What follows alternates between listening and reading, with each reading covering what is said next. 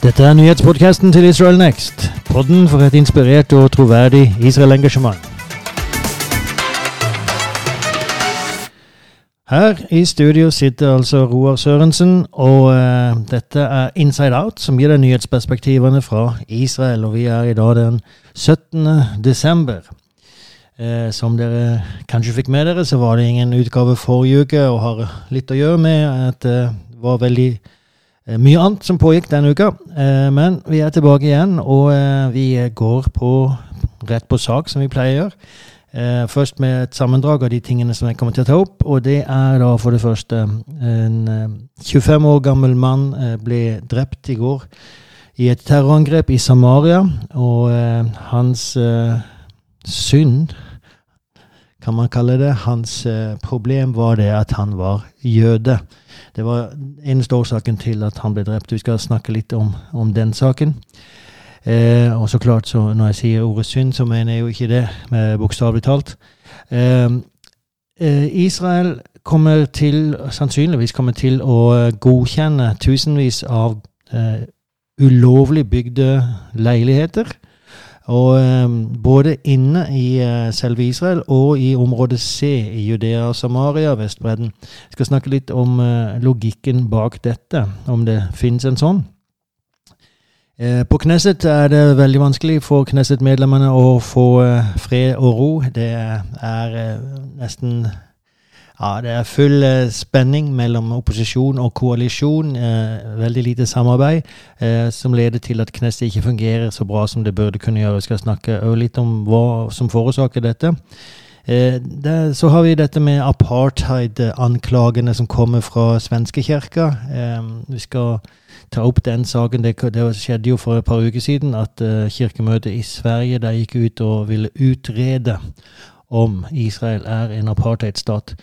Eh, vi skal snakke litt eh, om eh, den israelske innenriksministeren, Omer Barlev, som har skapt òg en stor debatt i Israel denne uka, da han tweeta, sendte ut et tweet om bosettervold. I tillegg har vi arkeologi, og vi har Parashat Tashavua, ukas Tora-lesning. Så vi går til første sak først. Og det er altså dette terrorangrepet i uh, Samaria, uh, nær Khomesh, uh, og i nord nordlige delen av Samaria, der i går kveld så ble Judal, Jehuda Diment, Dimentmann, ble drept, ble skutt og drept i et terrorangrep.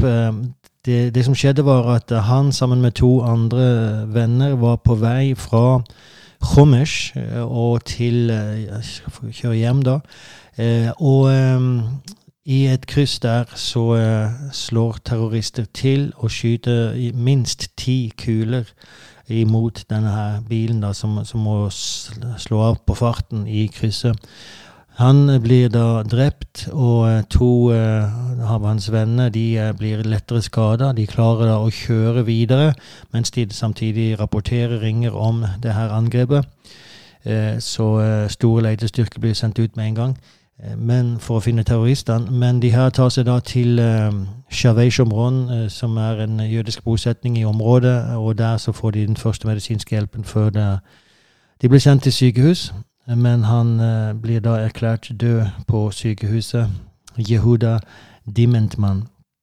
Han var 25 år gammel, gift og hadde et barn som var ett år gammelt.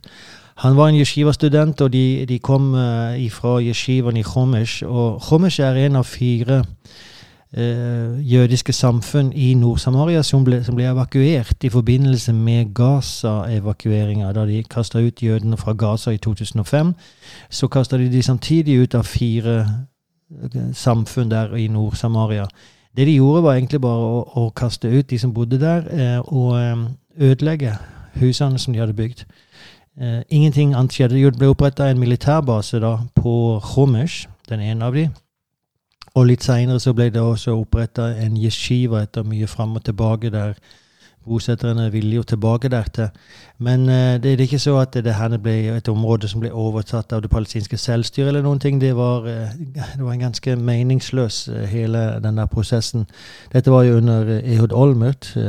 prosessen ble påbegynt under Ariel Sharon. eh, men ble fullført under Ehud Olmert. Og eh, som sagt, en ganske meningsløs sak som hendte der.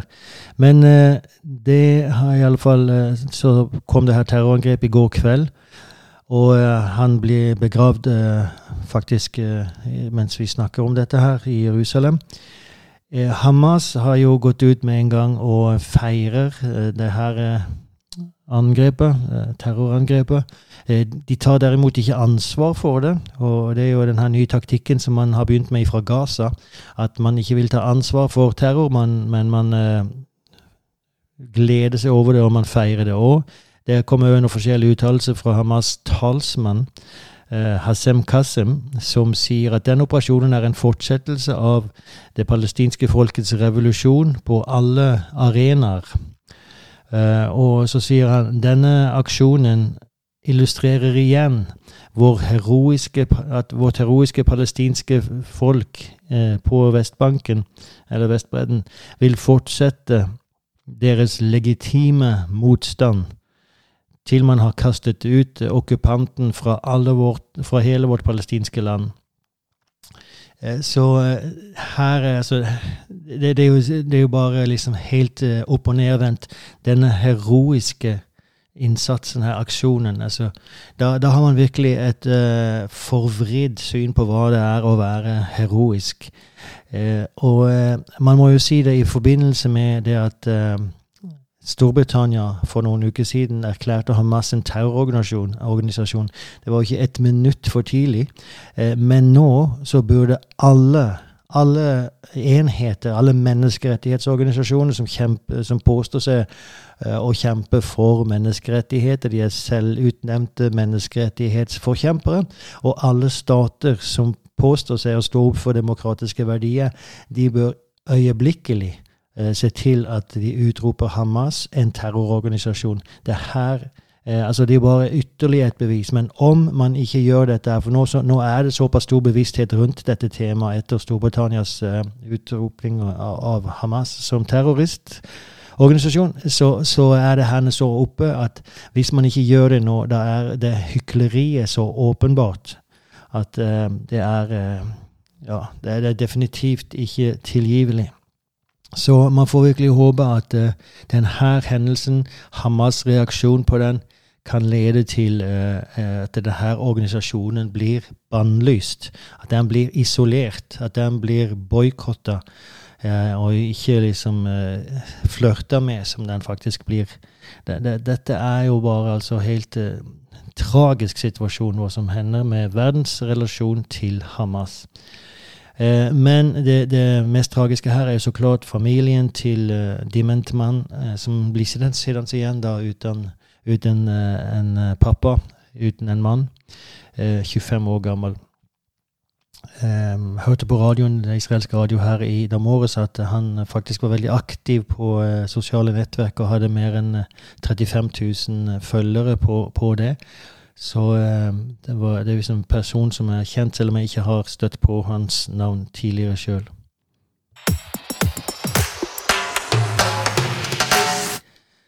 Israel, um, den israelske regjeringa er på, i en prosess der de kommer til å godkjenne 1668 leiligheter eh, som er ulovlig bygd i det arabiske samfunnet som kalles uh, Ul-Akev Al-Akev.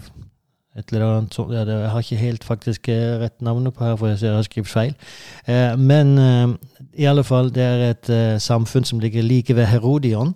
Så for de som kjenner til dette, så Herodion ligger rett sør for Betlehem. Og Herodion eh, var jo et sånn, eh, festning som Herodes bygde i sin tid. men det er altså ikke så langt ifra Jerusalem, et par mil. Unnskyld. Og eh, der har man altså bygd et ulovlig arabisk samfunn. Eh, 1600, drøyt 1600 leiligheter som nå eh, er i prosess med å bli godkjent. I tillegg så er det 160 ulovlig bygde leiligheter i Dahar al-Malach, som ligger i Nord-Samaria. Eh, vi har 296 illegale bygninger i Chisme, som ligger rett eh, i nordenden, eller i utkanten av Jerusalem i nord. Og så har vi et hotell i Betjalla, som altså er i Betlehem. eh, Som er ulovlig bygd, og som eh, er i prosess av å bli godkjent. Alle disse ligger i område C, som altså skal være under israelsk kontroll. Men nå holder den israelske regjeringa på å godkjenne de, selv om de altså har blitt satt opp fullstendig i, uh, ulovlig, altså uten noen som helst form for godkjennelse. Hvorfor skjer dette? Jo, eh, forsvarsminister Benny Gantz eh, han er den som trykker på for at det skal skje. Og eh, han er jo altså sentrum, sentrum, sentrum venstre, så, så der finnes det nok en del ideologiske årsaker til det. Men så har vi jo statsminister Naftali Bennett, som er Høyre, og som allikevel går med på det her. Og sannsynligvis så er logikken det at man forsøker å blidgjøre amerikanerne, den amerikanske administrasjonen, etter at man for noen uker siden gikk ut og sa at man ville bygge noen tusen nye eh, leiligheter for jøder i Judea og Samaria. Så, så her forsøker man altså å balansere det ene mot det andre. Det er den sannsynlige logikken bak det hele. Men det, til det så må det sies at det, det der er ingen, det er ingen politikk. altså Det er ikke medinut, som det heter på hebraisk. Eh, Det er ikke en langsiktig plan. Det er jo å gi etter for press. Det er å handle eh, det som eh, må til akkurat for tilfellet. Men en langsiktig plan, og man tenker virkelig at vi holder på å bygge eh, nasjon her, vi holder på, altså hva er vår tanke for dette området framover, osv., så, videre, eh, så kan ikke dette her være måten å, å gjøre det på. Man gir etter for det amerikanske eh, prester. Og eh, det som er det ekstra sårbare i dette her, det er jo at alle disse bygningene her, det er en del av det palestinske selvstyrets plan for å ta over område C. Altså Område C er jo et område som skal ifølge Oslo-avtalen være under israelsk kontroll.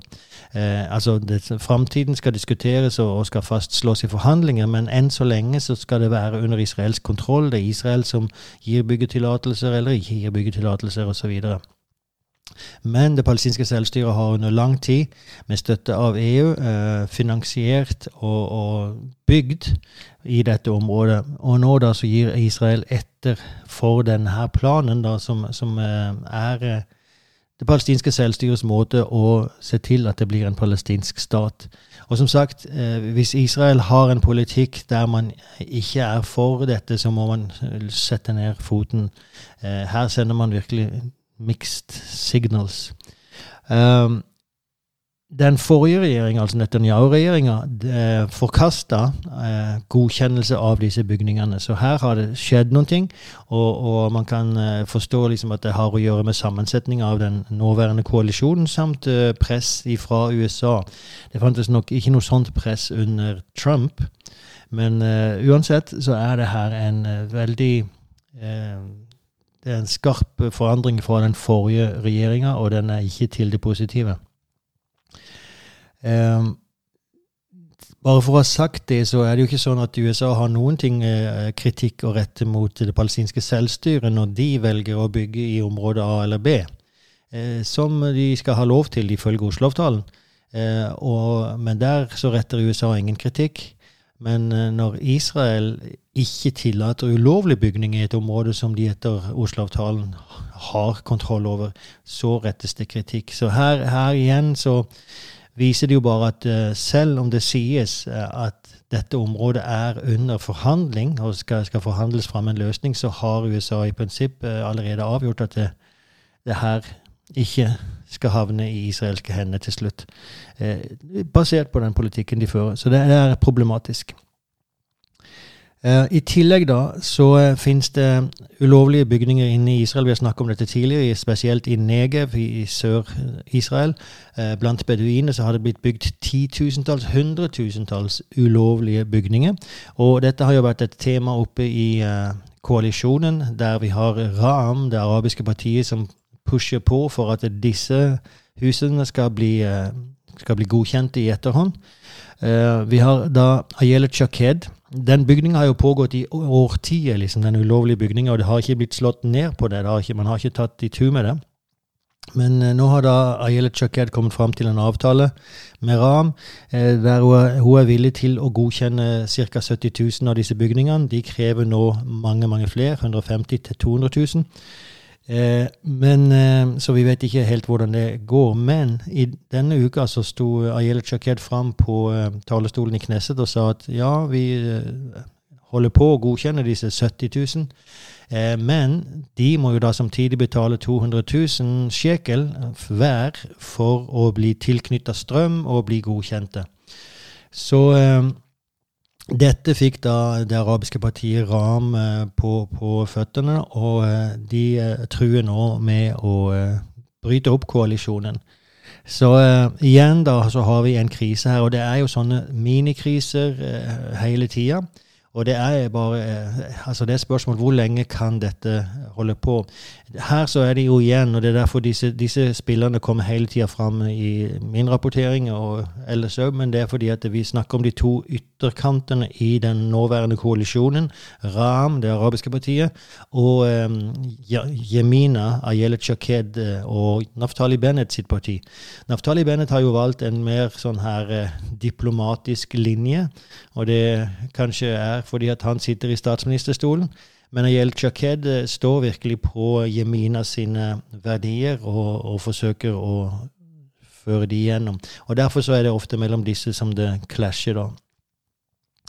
Så eh, vi får se hvor lenge de klarer å holde sammen, denne koalisjonen.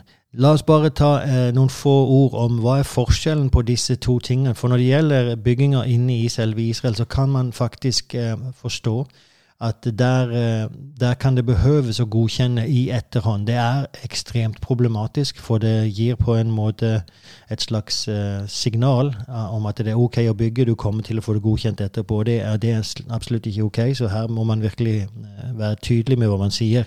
Men ettersom man har tillatt det så veldig lenge, og en del av disse husene er flere tiår gamle nå, da, så er det veldig vanskelig å komme i etterhånd. Dessuten så finnes det en har funnes opp igjennom en neglisjering av uh, å legge planer for å utvikle arabiske samfunn. Eh, så i, i, fra den israelske regjeringa. Så her så, så, behøver Israel faktisk å ta et oppgjør med seg sjøl og sin egen politikk, sånn at man ser til at det finnes ordna planer for dette. Så, eh, så, behovet for å bygge ulovlig blir mindre. Man skal jo samtidig si at uh, man, disse, spesielt i Negev så bygger beduinene ulovlig òg for å ta over land. Så, så det finnes definitivt det aspektet òg. Men her finnes det da to forskjellige saker som man behøver å holde i hodet samtidig. Og Derfor kan man forstå at det finnes en viss logikk i å godkjenne noen av disse bygningene i Negev men eh, definitivt med et klart budskap at dette ikke er akseptabelt, og at de får betale for det. Så jeg syns faktisk eh, Ayel Shakeds metode her er, er, bra. Men når det gjelder område, område, C, så er det helt feil signaler å godkjenne bygninger der inne. Der det altså handler om for eller mot en palestinsk stat. Dette her er virkelig en del av den kampen. Så det er stor forskjell på det. Vi snakker jo også om i, i Negev snakker jo om israelske statsborgere. Dette er israelske statsborgere som har bygget ulovlig, og man behandler de annerledes enn man behandler ikke-statsborgere. De har andre rettigheter osv. Eh, de har òg andre skyldigheter. Så, men uansett så kan man forstå at det fins en, eh, en, forskjell her. Eh, og i tillegg så har vi dette med at Judea-Samaria er altså disputed territory, det er omstridt område som det skal forhandles om. Og Forhandlingen kan ikke skje gjennom at det palestinske selvstyret bare tar for seg, bare bygger der det passer de, med støtte fra EU. Så det er forskjell på de to tingene, og det ene er ekstremt problematisk, det andre er litt mindre problematisk. På Knesset er det ikke spesielt gode arbeidsforhold uh, for tida, og det har å gjøre med den uh, dårlige relasjonen, mangel på tillit, uh, som fins mellom regjering, regjeringskoalisjonen og opposisjonen. som igjen går tilbake til kampene som har funnet sted rundt personen Benjamin Netanyahu. Eh, så pga. dette så finnes det altså ikke det, det, normale samarbeidet som vanligvis finnes eh, på et parlament, eh, og òg i Israel, der man følger visse regler og osv. Alt, alt det har nesten brutt sammen, og, og nå så brytes det meste av regler. Sånn som her i uka, så, så plutselig så innser opposisjonen at de har flertall i salen om de nå Eh, eh, fram et lovforslag om altså det, det, det, går jo ifølge en agenda, men plutselig så ser de at her finnes det en mulighet til å vinne en avstemning om en ikke viktig ikke, ikke en viktig avstemning, men likevel en, en, en avstemning der de kan slå da koalisjonen. Eh, Uh, og um, det, det, er bare et sånn første forslag, så det, det, det, kommer ikke til å bli lov, uansett om de vinner den avstemninga. Men uansett så trykker de på for det. Uh, og det som hender, er at de, i koalisjonen så må de da ringe inn en uh, Knesset-medlem som ikke var der akkurat da, fordi hun hadde født et barn seks dager tidligere og var hjemme med, med, dette nyfødte barnet. Så hun er nødt til å kaste seg i bilen og komme seg inn til Knesset for å få stemt. Eh, det, det, var en av årsakene. Så var det en årsak til, og det var at et av, eh, av koalisjonens medlemmer var eh, sur og satt i, på sitt rom og nekta å stemme. Så det, altså det, det fins sånne saker som ikke er bra, og som der stemningen på Knesset absolutt ikke er bra, og dette òg reflekteres uh, en del i samfunnet, da. Det er ikke bare politikere som uh, Altså, politikere er, uh, representerer jo faktisk mennesker òg, så dette sprer seg. Så her behøver faktisk de israelske politikerne på begge sider å våkne opp og, og altså bli voksne, faktisk. For på sin side så har jo da koalisjonen utestengt, eller i alle fall minska innflytelsen til opposisjonen i en masse komiteer. Eh, det finnes uenighet om hvor mange som skal være fra hver side i disse ulike komiteene. Og eh, det har jo ledet til store spenninger, da. Så eh, det, det, det er Opposisjonen forsøker egentlig å trøtte ut koalisjonen på denne måten, og det leder til en del våkenatter i Knesset der man har lange debatter om egentlig uvesentlige ting, eh, men der man forsøker bare å, å trøtte ut altså koalisjonen. Og, og lede til sånne avstemninger som bare blir pinlige for koalisjonen, men som egentlig ikke har en stor betydning i eh, det store spillet. Så i stedet for at man eh, søker det som er det beste for folket og for landet, så er man fullstendig i, i tottene på hverandre her. Og dette er noe som det må bli slutt på. Israelske politikere må vokse, vokse opp, faktisk.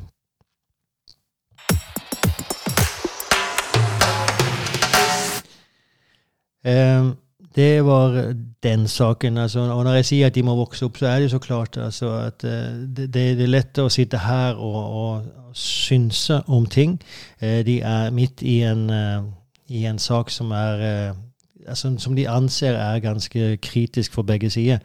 Så det, det, det, er liksom lett å si det her og synse, men det, det er ikke bra uansett, det som skjer i, på Knesset akkurat i disse dager.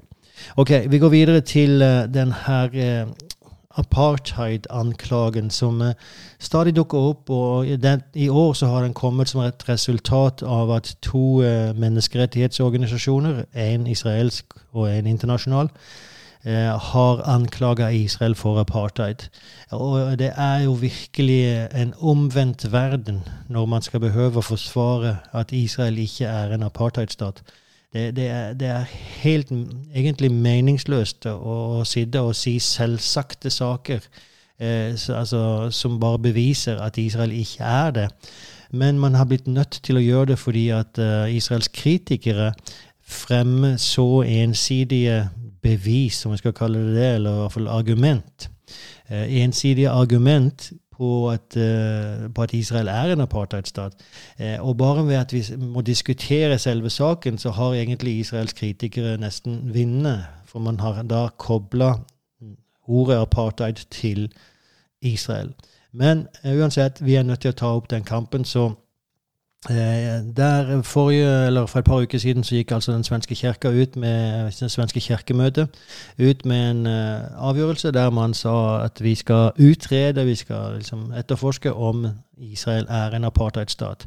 Men de åpner liksom opp for den tanken. Eh, nå viser det seg at den avgjørelsen fra kirkemøtet ikke reflekterer biskopene i Sverige. Uh, og at det var en del faktisk ganske politisk motiverte medlemmer i, på kirkemøtet der som på en måte hijacka hele debatten og, og fikk fram denne avstemninga. Men uansett så er det en avstemning som står, og den har fått uh, internasjonal oppmerksomhet. Så uh, det, det, som jeg bare har å si om det her, er jo at det her kravet, påstanden om at Israel er en apartheidstat, er meningsløst fordi den mest elementære delen av apartheid savnes. Og, og hva er det som, som, eh, som, driver, som drev apartheid? Jo, det var jo altså, rasisme. Det var en, det var en um, ideologi om en rases overlegenhet over en annen. Det, det fins ikke i dette tilfellet. De tiltakene som Israel setter inn, de har ingenting med rasisme å gjøre. De har alt med sikkerhet å gjøre. Og eh, nå er det ikke det dermed sagt at ikke det kan finnes en rasist eller to eller fire i Israel. Det fins det overalt. Men politikken som drives, er ikke motivert av rasisme, og det er åpenbart. Og eh, jeg skal ikke nevne alle eksemplene. Dere kjenner til eh, alle disse eksemplene på hvor eh, arabere og jøder er integrerte i Israel, og eh, arabere har like rettigheter som jøder. Så eh, jeg vil bare ta opp det her fordi uh, det er en sak. Uh, det finnes så veldig mye man kan gjøre. Man kan gjøre en helt uh, episode om akkurat dette, denne påstanden. Jeg bare kan nevne for dere som snakker svensk, så kommer det ut sannsynligvis i dag en debattartikkel som jeg har skrevet om denne saken i svenske Dagen. Så for dere som har tilgang til det, så, så der pågår det en diskusjon, har pågått siste uka og, og, da ble jeg spurt om å skrive et innlegg der, så der finnes det en artikkel sannsynligvis som blir publisert i dag, eh, som har med det saken å gjøre. Den eh, israelske sikkerhetsministeren, innenrikssikkerhetsministeren Omer Barlev, eh, han hadde et møte her den uh, uka og med USAs Assistant Secretary of State, altså assisterende utenriksminister, kan man kalle det.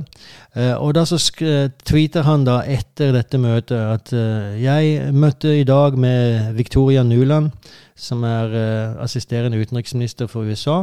Hun var interessert bl.a. i bosettervolden og hvordan vi kan senke spenningen i regionen og styrke PA, det palestinske selvstyret. Og, og, det som da leda til en uh, stor debatt i Israel, det var dette her uttrykket alimut mitnachalim, uh, det bosettervolden.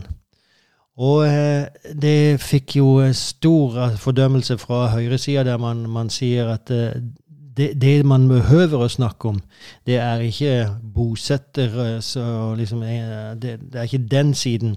Det er om palestinsk og arabisk terror. Det er det som er problemet. Uh, og dessuten, når han sier bosettervolden, så, så uh, snakker han på en veldig generell måte som inkluderer egentlig alle bosettere til voldelige.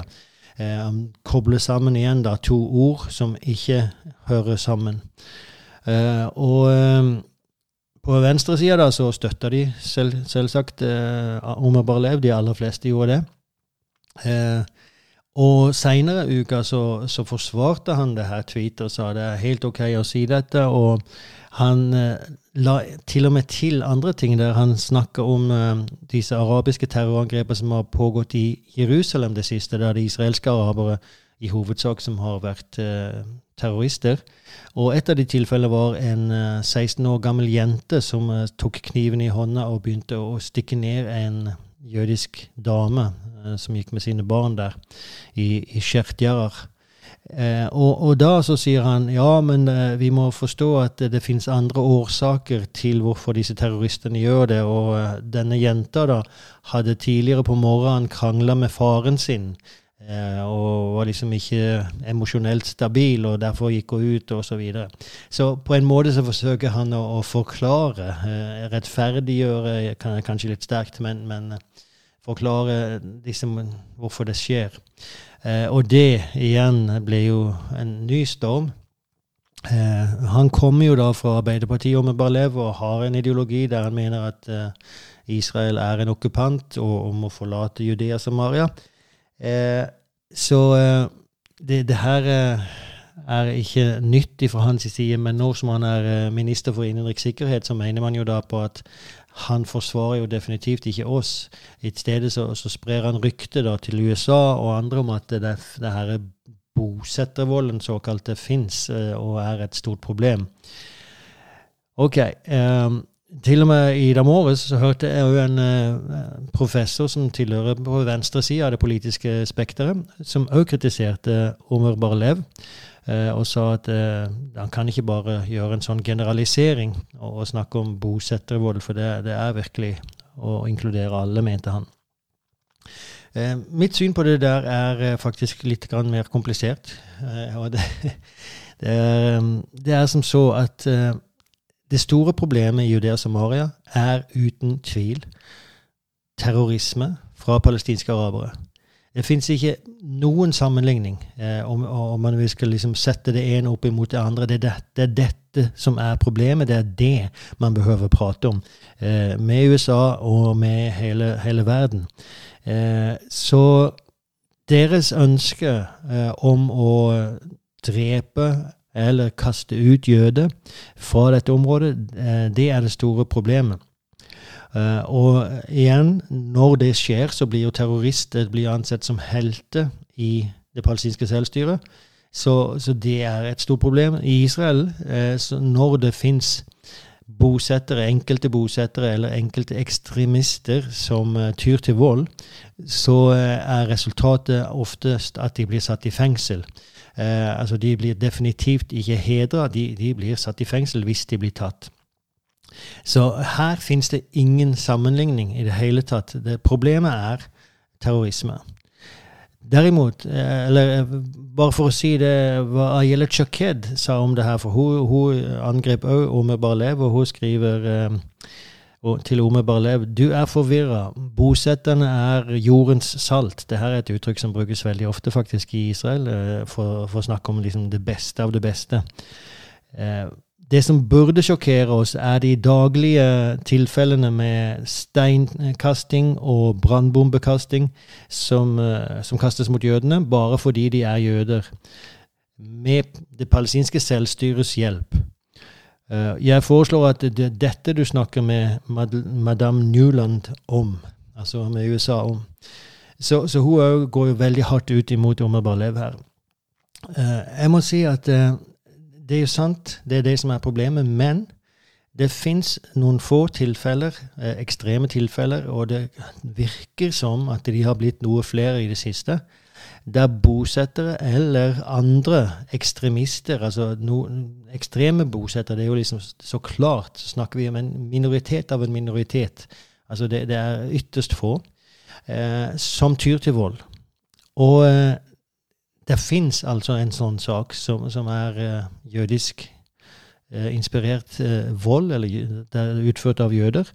Og det er, er, både feil, det er umoralsk, og det må settes en stopp for. og det underminerer òg den jødenes krav og jødenes moralske overhøyhet, for det har de jo virkelig i denne saken.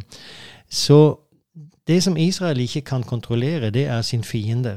Man kan jo, altså man kan forsøke å stoppe dem, men man kan ikke egentlig kontrollere hvordan de tenker, hva de tenker osv. Man, man må forsøke å sette inn tiltak eh, når aksjoner allerede er i gang. Når det gjelder sine egne, så kan man faktisk eh, påvirke det mer.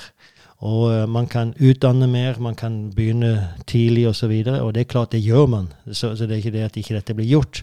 Eh, men allikevel så dukker det jo opp sånne ekstremtilfeller men man kan feie for sin egen dør, og derfor så mener jeg at det, det går ikke liksom å bare skyve dette under en stol, at ikke det fins. og det er det som kanskje er problemet her, at noen av det på høyresida forsøker å gjøre det.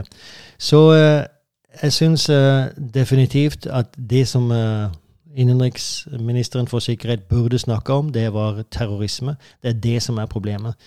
Men eh, hvorfor det her eh, fikk en sånn veldig, veldig stor, leder til en stor debatt, det er litt, mindre, litt mer vanskelig å forstå for min del. Det som burde ha forårsaka debatt i det tweetet til Omer Barlev, det er faktisk den siste delen, der han sier eh, hvordan vi kan eh, senke spenningen i regionen og styrke det palestinske selvstyret. Det er det store kontroversen her, mener jeg. Eh, for det her er to motsatser. Det er to motpoler. Eh, du kan ikke senke spenningen hvis du styrker det palestinske selvstyret, for det er det palestinske selvstyret som skaper spenningen. Og eh, da, da kan man si at Men det palestinske selvstyret kjemper jo mot Hamas. Og det gjør de. Men det gjør de av sin egen interesse, ikke fordi at de eh, først og fremst vil ha slutt på terroren. Eh, hvis de vil ha slutt på terroren, så er det taktisk. Det er for øyeblikket fordi at vi behøver å reorganisere, vi behøver å styrke oss sjøl, vi behøver å styrke vårt regime osv. Men terror er helt akseptabelt. Terror er faktisk hva vi underviser i, i det palestinske selvstyret. Det, det, er eksakt hva de gjør. Eh, de underviser, det er de som skaper terrorister. Det faktum at Hamas har så mange villige terrorister, er fordi at disse terroristene har gått gjennom hele det palestinske selvstyrets utdannelsessystem. Eh, så eh, det store problemet her er det palestinske selvstyret. Og derfor så går det ikke å senke spenningen hvis du samtidig styrker det palestinske selvstyret. Så eh, det, det, er den store debatten, men da prater vi om på lang sikt. Hvis man bare ser på en daglig basis, så akkurat per i dag ja, så hjelper det palestinske styret å bekjempe Hamas. Eh, det fjerner ved en viss del av terrorismen. Eh, selv, selv, om det er så klart Israel som gjør det meste av jobben der. Eh, men det fjerner en viss del av terrorismen, men de gjør det bare på kort sikt, og bare fordi at det passer det palestinske selvstyret. For hvis Hamas blir for sterke, så mister det palestinske selvstyret alle sine privilegier, alle sine inntekter osv. Så, så det er uh, virkelig uh, et problem i det her tweetet, men jeg vil si at det, problemet, det ordentlige problemet ble ikke satt lys på.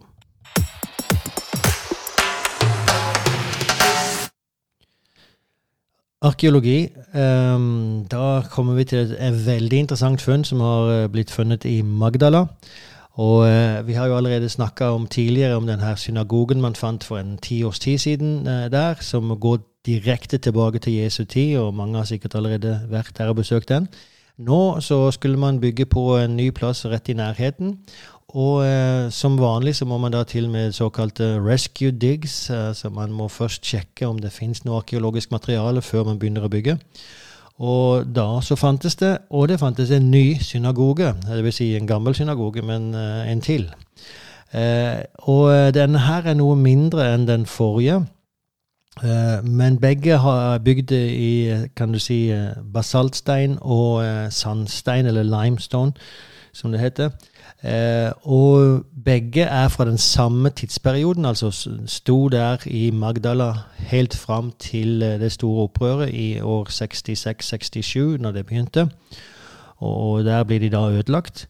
Eh, og begge er bygd eh, på samme formen, samme ideen, med stor, en stor samlingssal og to små rom ved siden av. Men den her er mindre, som de fant nå. Den er mindre, og den er eh, ikke like dekorert, ikke like bra materiale på gulvet. Eh, på den første så var det mosaikk på gulvet. På denne så var det jordgulv, som man senere har lagt et slags eh, plaster eh, ja, for å gjøre det vanntett men den er enklere bygd. Eh, og litt mindre, da. Og man mener på at den sto i såkalte industrisonen. Altså det var masse forskjellige aktiviteter som pågikk rundt der eh, av workshops og sånt eh, for 2000 år siden. Man kunne datere den basert på eh, ting som man fant i, i synagogen, da, og det var blant annet produkter av glass, av pottery, altså keramikk, mynter og steinkar. Og disse steinkarene er spesielle, for de vitner da om at det her er en religiøs, altså strikt religiøst uh, samfunn. Uh, der for, for, steinkar kan man uh, bruke om igjen. de blir ikke ureine fra et kosher-perspektiv. mens mens keramikkar de blir ureine, og de må da knuses etterpå.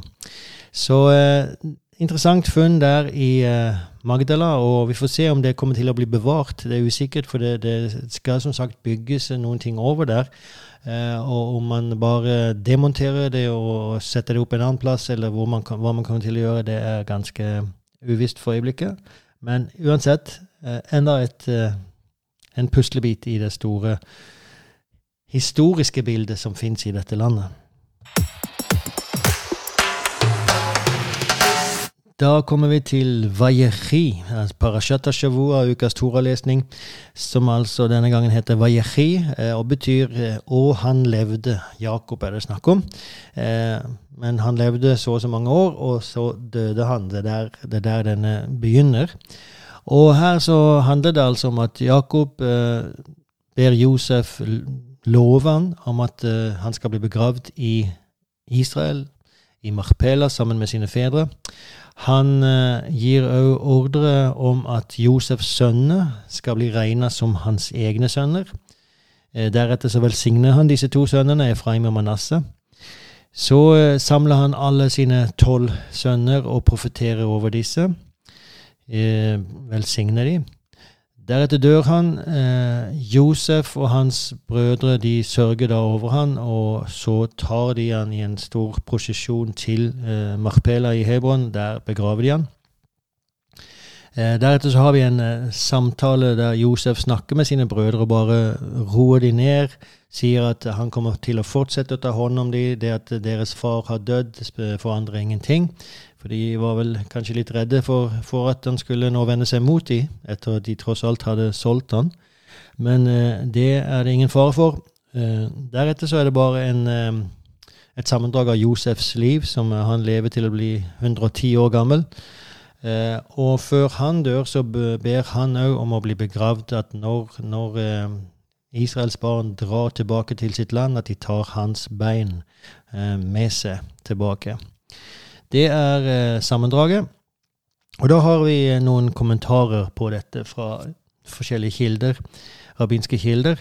Og uh, dette med Må Gud velsigne deg som Efraim og Manasseh det er noe som bes eh, på hver sabbat eh, i et jødisk eh, hjem. Så når man har sabbatsfeiringer, så ber foreldrene eller pappaen ber over barna. Må Gud velsigne det over sine sønner. Må Gud velsigne det som Efraim og Manasseh. Så ber man en annen bønn over døtrene.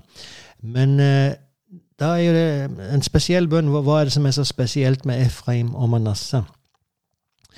Eh, jo, det, det, er nemlig sånn at uh, ifølge den ene kommentatoren her, at jødene har grodd opp, uh, vokst opp uh, veldig ofte i diasporaen. De har, altså befinner seg ute, utenfor Israel i andre kulturer. Efraim og Manasseh de vokste opp utenfor Israel i en annen kultur. Men de bevarte sin identitet, de bevarte sin om vi skal kalle det jødiskhet eh, På den tida så heter det ikke det. de kaltes isra, israelitter. Så, men de bevarte sin identitet, eh, på tross av at de altså vokste opp der. Og eh, gjennom tusenvis av år så har det skjedd med jøder. Hvor de enn har vært, så har de bodd i andre kulturer, men likevel bevart sin identitet. Og det er den velsignelsen da som man har velsigna dem med. At dere skal forbli israelitter. Dere skal forbli jøder. Så det er en ganske interessant sak. Det er iallfall ett aspekt av den velsignelsen, og det finnes sikkert flere.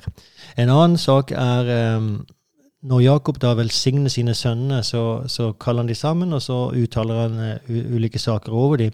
Men for visse av dem er det jo mer uh, en formaning enn uh, det vi for, forbinder med en velsignelse. Og ikke minst da for Ruben, som blir beskrevet som veldig impulsiv. Simon og Levi blir beskrevet som veldig voldelige. og, så, så man kan lure på er dette virkelig en velsignelse. Og da så er det en kommentator her som sier det at hvis en person kan eh, bli klar over sine svakheter, så kan han gjøre noe med dem, og det kan sette hans liv på en helt ny kurs. Eh, derfor er det en velsignelse. Og det fins noe veldig smart, noe veldig vist i akkurat det. Eh, at det er jo faktisk en velsignelse å bli fortalt, om man blir fortalt i rett ånd, eh, hvilke svakheter man har. vi har kanskje en tendens til å, å, vike unna sånne saker og ikke ville konfrontere folk med sine svakheter. Og for en stor del så er det ikke alle personer som du har den autoriteten til å gjøre det, eller har den, den, den relasjonen med til å gjøre det. Og, og om man skal gjøre det, så må det som sagt skje i, i rett ånd. Men eh, det kan definitivt være en stor velsignelse for en person å få høre om sine svakheter. Så eh, interessant perspektiv på akkurat den saken.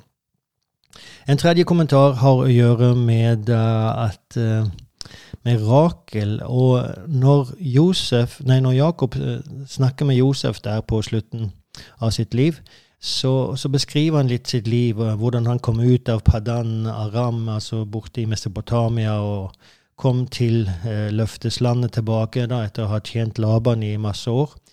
Eh, så, så, sier han eh, om Rakel, da, så sier han at eh, jeg begravde henne langs veien.